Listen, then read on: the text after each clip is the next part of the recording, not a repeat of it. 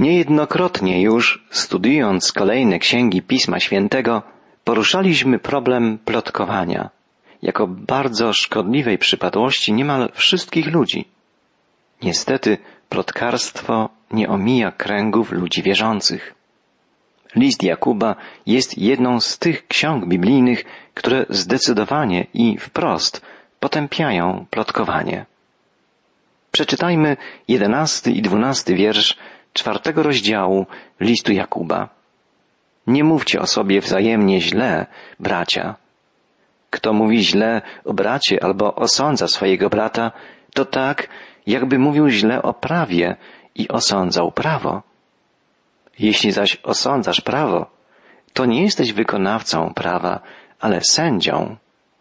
Jeden jest prawodawca i sędzia, ten, który może zbawić i potępić.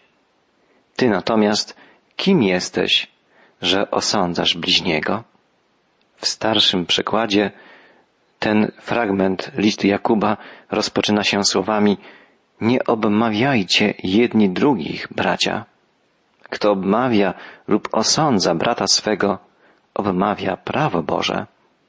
Na określenie obmawiania znajduje się w tekście oryginalnym listu słowo greckie katalalein. Zwykle czasownik ten oznacza zniesławianie i obmawianie kogoś w czasie jego nieobecności. I stąd człowiek ten nie może się bronić. Grzech obmowy jest potępiany w całej Biblii. Psalmista tak uskarża się na człowieka przewrotnego. Siedzisz i mówisz przeciw bratu swemu. Znieważasz syna matki twojej. W psalmie 101 znajdujemy takie słowa Pana. Kto skrycie oczernia bliźniego swego, tego zniszczę. Bóg mówi, kto skrycie oczernia bliźniego swego, tego zniszczę. Obmawianie apostoł Paweł zalicza do grzechów, którymi szczególnie wyróżnia się pogański świat. Czytamy o tym na przykład w pierwszym rozdziale listu do Rzymian, w wierszu trzydziestym. Grzech ten występował także w skłóconej wspólnocie w Koryncie. Wiemy o tym z drugiego listu do Koryntian z rozdziału dwunastego. Ciekawą rzeczą jest, że w obu tych listach apostolskich oczernianie jest wymieniane zaraz po plotkowaniu. Plotkowanie to grzech tych, którzy gromadzą się po kątach, zbierają się w małych grupkach i przekazują sobie pikantne wiadomości, przez to zniesławiają dobre imię tych, którzy nie mogą się bronić, ponieważ nie są obecni. Grzech ten potępia również zdecydowanie apostoł Piotr. W pierwszym swoim liście, w drugim rozdziale, to ostrzeżenie apostolskie jest bardzo potrzebne.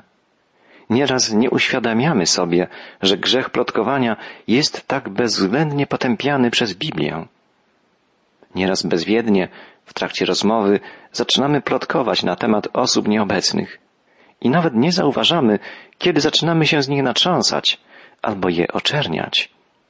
Drogi słuchaczu, musimy sobie zdać sprawę, że plotkowanie, obmowa to coś dla Boga wstrętnego.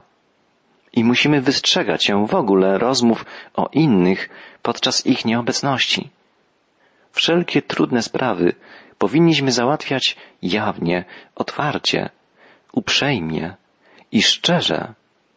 Musimy powiedzieć, że chyba nie ma drugiego tak przyjemnego zajęcia dla przeciętnego człowieka, jak słuchanie i opowiadanie plotek na temat osób trzecich, szczególnie gdy są to osoby, którym czegoś zazdrościmy. Dobrze jest zobaczyć, co Bóg o tym myśli. Biblia potępia taką postawę z co najmniej dwóch powodów.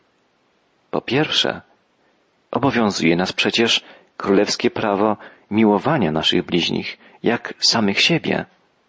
Człowiek nie może miłować, kochać swego bliźniego jak siebie samego, a jednocześnie szerzyć o nim złych opinii. Jeżeli ktoś świadomie łamie prawo miłości, to stawia się ponad tym prawem. Inaczej mówiąc, stawia siebie w pozycji tego, który osądza prawo. Tak właśnie pisze Jakub. Jeżeli ktoś pomawia swego bliźniego o coś złego, to przez to samo staje ponad prawem, sobie przypisuje możliwość zmiany tego prawa i dlatego jest potępiony. Po drugie, jest to pogwałcenie przykazań Bożych, standardów Bożych. Obmawianie bliźniego właściwie jest osądzaniem bliźniego swego. Żaden człowiek nie ma prawa sądzić innego człowieka. Prawo do sądzenia należy wyłącznie do Boga. Jakub pisze, jeden jest prawodawca i sędzia, ten, który może zbawić i potępić. Ty natomiast kim jesteś, że osądzasz bliźniego? Jedynie Bóg może zbawić, ratować, jedynie On może osądzać, zatracać. O tym Jego wielkim uprawnieniu mówi całe Pismo Święte. W piątej księdze Mojżeszowej, czyli w księdze powtórzonego prawa, czytamy Ja pozbawiam życia i ja darzę życiem, mówi Pan, Bóg. Pan zadaje śmierć, ale i przywraca do życia. Czytamy w pierwszej księdze Samuela. W drugiej królewskiej czytamy, czy ja jestem Bogiem, aby śmierć zadawać i życiem obdarzać? Tak wołał przerażony król Izraela, do którego Naaman żądał uleczenia z choroby trądu. Czy ja jestem Bogiem, aby śmierć zadawać i życiem obdarzać? Jezus powiada nam, żebyśmy się nie bali ludzi, którzy w najgorszym wypadku mogą zabić nasze ciało, ale byśmy raczej bali się tego, który może unicestwić zarówno nasze ciało, jak i duszę. Jak powiada psalmista, do Boga należy wszystko, co należy do naszego życia i naszej śmierci. Stawianie siebie w pozycji sędziego jest przywłaszczeniem sobie uprawnień, które należą wyłącznie do Boga. Tylko człowiek niezwykle zuchwały odważa się na taki krok. Może nam się wydawać, że plotkowanie, wypowiadanie złych słów o naszych bliźnich nie jest aż tak wielkim, poważnym grzechem. Jest jednak inaczej. Biblia stwierdza jednoznacznie, że jest to jeden z najpoważniejszych, najbardziej szkodliwych grzechów. Ten, kto obmawia drugich, narusza królewskie prawo miłości, nadane nam przez Jezusa. Osądzając innych, wchodzi w kompetencje samego Boga. List Jakuba potępia plotkowanie, obmowę. Potępia też nieuzasadnioną pewność siebie. Czytamy dalej w końcowym fragmencie czwartego rozdziału listu Jakuba. Posłuchajcie teraz wy, którzy mówicie, dziś albo jutro udamy się do tego oto miasta, spędzimy tam rok, będziemy handlować i osiągniemy zyski. Nie macie pojęcia, co przyniesie w waszym życiu dzień jutrzejszy. Jesteście bowiem jak para, która pojawia się na krótko i następnie znika. Zamiast tego mówcie, jeżeli Pan zechce i będziemy żyli, to uczynimy to czy tamto. Teraz zaś przechwalacie się w swojej pysze. Wszelkie takie przechwalanie jest złe. Kto więc wie, jak postępować dobrze, a tak nie postępuje, popełnia grzech. Pojawia się tu w słowach Jakuba całkiem współczesny obraz, w którym z łatwością można rozpoznać samych siebie. W starożytnym świecie Żydzi uchodzili za największych handlarzy. Pod wieloma względami świat ten umożliwiał im najlepsze wykorzystywanie ich umiejętności. Był to okres zakładania wielkich miast, których założyciele często rozglądali się za możliwościami jak najlepszego zasiedlenia ich. Szczególne przywileje oferowano Żydom, ponieważ szły za nimi pieniądze i rozwój handlu. Tak więc obraz, który rysuje przed naszymi oczami Jakub, przedstawia człowieka przyglądającego się mapie. Wskazując na niej jakieś miejsce, powiada, oto nowe miasto, gdzie można byłoby dobrze pohandlować. Pojadę tam, zamieszkam na parterze większej kamienicy, zbiję trochę grosza i wrócę potem do rodzinnych stron. Jakub stwierdza, że nikt nie ma prawa w ten sposób planować swojej przyszłości, ponieważ nawet nie wie, co przyniesie mu dzień jutrzejszy. Człowiek strzela, ale Pan kulę nosi, mówi przysłowie. Człowiek strzela, ale Pan Bóg kulę nosi. Niepewność przyszłości jest głęboko wryta w umysły ludzkie wszystkich narodów. Mędrzec hebrajski powiada, nie chwal się dniem jutrzejszym, bo nie wiesz, co dzień może przynieść. To przypowieść Salamona z 27 rozdziału Księgi Przysłów. Pan Jezus mówił o bogatym, ale głupim człowieku, który układał plany na daleką przyszłość, nie wiedząc o tym, że tej samej nocy zażądają jego duszy. Ta przypowieść zapisana jest w Ewangelii Łukasza w rozdziale 12.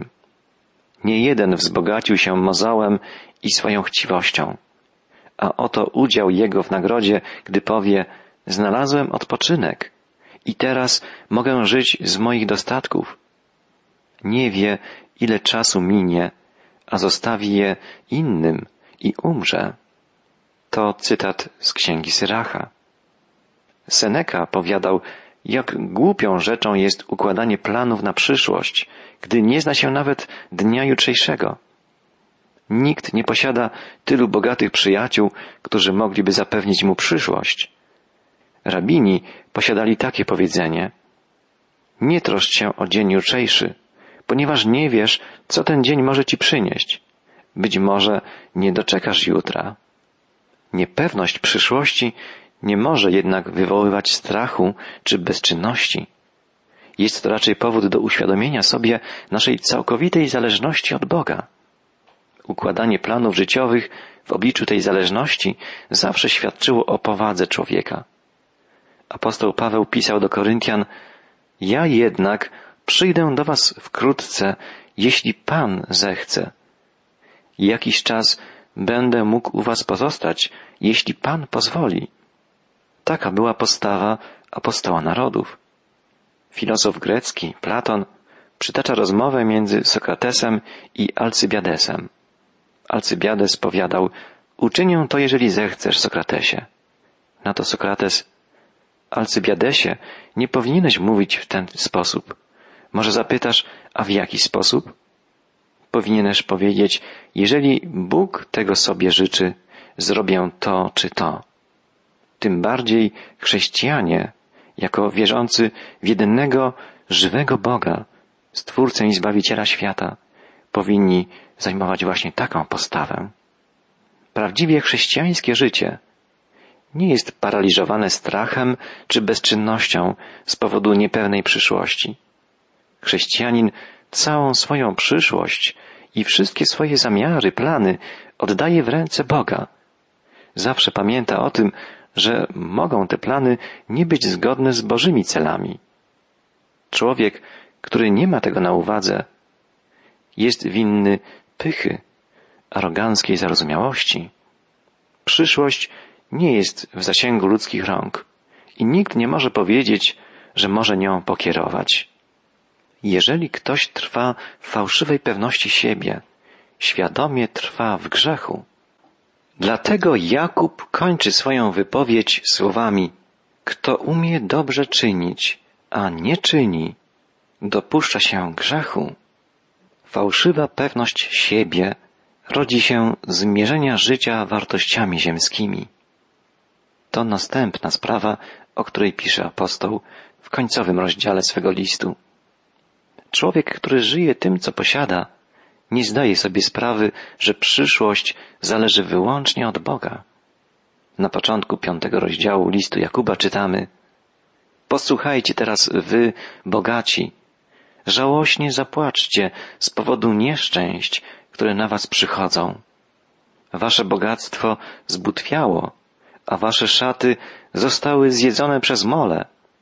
Wasze złoto i srebro jest przeżarte rdzą, a ich rdza będzie świadczyła przeciwko wam i pochłonie wasze ciała jak ogień. W tej wypowiedzi apostoła Jakuba, otwierającej ostatni piąty rozdział jego listu, znajdują się dwie najważniejsze sprawy. Pierwszą z nich jest wykazanie, że ziemskie bogactwa są bezwartościowe, a drugą wskazanie na obrzydliwy charakter posiadaczy tych dóbr, którzy tylko w nich pokładają wszelkie swoje nadzieje. Jakub ma nadzieję, że pisząc o tym zapobiegnie, by jego czytelnicy pokładali ufność w dobrach materialnych. Gdybyście tylko wiedzieli, co robicie, pisze Jakub do ludzi bogatych, powinniście zapłakać i narzekać ze strachu przed sądem, który nadejdzie na was w dniu pańskim. Jest to bardzo żywy obraz. Występuje tu słowo, które jest przetłumaczone jako narzekanie. Grecki czasownik to oroluzein. Ma to słowo dźwięk naśladowczy, ono matopeiczny wydźwięk. Jest stąd bardzo przejrzyste, obrazowe. Oznacza coś więcej niż narzekanie. Właściwie oznacza zawodzenie, a nawet wycie. Dosłownie więc musielibyśmy apel apostoła przetłumaczyć żałośnie zapłaczcie, zawyjcie, zawodźcie. To bardzo mocne stwierdzenie apostolskie. W bardzo trudnej sytuacji, strasznej znajdują się ci, na których spadnie gniew Bożego Sądu. W tekście apostoła Jakuba jest wiele żywych, bardzo obrazowych i starannie dobranych słów. Jakub pisze, wasze bogactwo zbutwiało, wasze szaty zostały zjedzone przez mole, wasze złoto i srebro jest przeżarte rdzą. Na wschodzie istniały trzy zasadnicze źródła bogactw. Dlatego Jakub używa trzech słów na określenie zepsucia bogatych. Pierwszym źródłem bogactwa było zboże. O nim właśnie pisze apostoł, iż butwieje, marnieje. Drugim są szaty. Na wschodzie szaty stanowiły o bogactwie. Józef podarował swoim braciom po kilka kompletów szat. Czytamy w pierwszej Mojżeszowej. To z powodu pięknego płaszcza babilońskiego Achan ściągnął na cały naród nieszczęście i śmierć na siebie i swoją rodzinę. Czytamy w księdze Jozłego. Samson obiecywał kilka zmian szat temu, kto rozwiąże jego zagadkę. Naaman przywiózł prorokowi izraelskiemu kilka szat, na które później połakomił się Gehazi. Apostoł Paweł publicznie oświadczył, że nie pożądał niczyich pieniędzy ani szat. Ta wypowiedź apostoła narodów zapisana jest w dziejach apostolskich w rozdziale 20. Tak więc szaty stanowiły o bogactwie człowieka. Jakub pisze, że staną się one pokarmem dla moli. Nieuniknionemu zepsuciu ulegnie także złoto i srebro. Pożrą je śnieć i rdza. Jakub podkreśla w bardzo obrazowy sposób, że nawet te najszlachetniejsze metale nie są trwałe. Nawet najbardziej cenne i najbardziej niezniszczalne rzeczy są przeznaczone na zepsucie. Wszystkie materialne dobra kiedyś przeminą. Rdza jest dowodem nietrwałości i ostatecznej bezwartościowości wszystkich ziemskich rzeczy. Jest to straszne ostrzeżenie. Pragnienie tych rzeczy jest podobne do rdzy wżerającej się w ludzkie ciało, w ludzką duszę, ludzki umysł i serce. Jeśli ktoś koncentruje się na ziemskich bogactwach, w końcu usypie z nich na sobie kopiec. Skupianie się na materialnych bogactwach jest nie tylko oszukiwaniem siebie samego, ale wręcz samounicestwieniem, koncentrowaniem się na wytworze własnej zguby. Biblia zdecydowanie potępia nieuczciwe gromadzenie bogactw. Potępia egoistyczny, samolubny materializm. Zarówno Stary, jak i Nowy Testament bardzo ostro krytykują niesprawiedliwość społeczną. Na przykład w księdze proroka Amosa, nazwanej wołaniem o sprawiedliwość społeczną, czytamy wiele wezwań przeciwko tym, którzy postępują nieuczciwie. Amos potępia tych, którzy w swoich pałacach gromadzą przemoc i łupiestwo. Potępia tych, którzy uciskają biednych, a sami mieszkają w marmurowych kamienicach i rozkosznych winnicach. W okresie gniewu Bożego wszystko to nie przyniesie im radości. Gniew Boga wyładuje się na tych, którzy oszukują na wadze i na miarach, którzy kupują biedaka za kawałek srebra, a potrzebującego za parę butów, którzy ubogim sprzedają poślad zboża.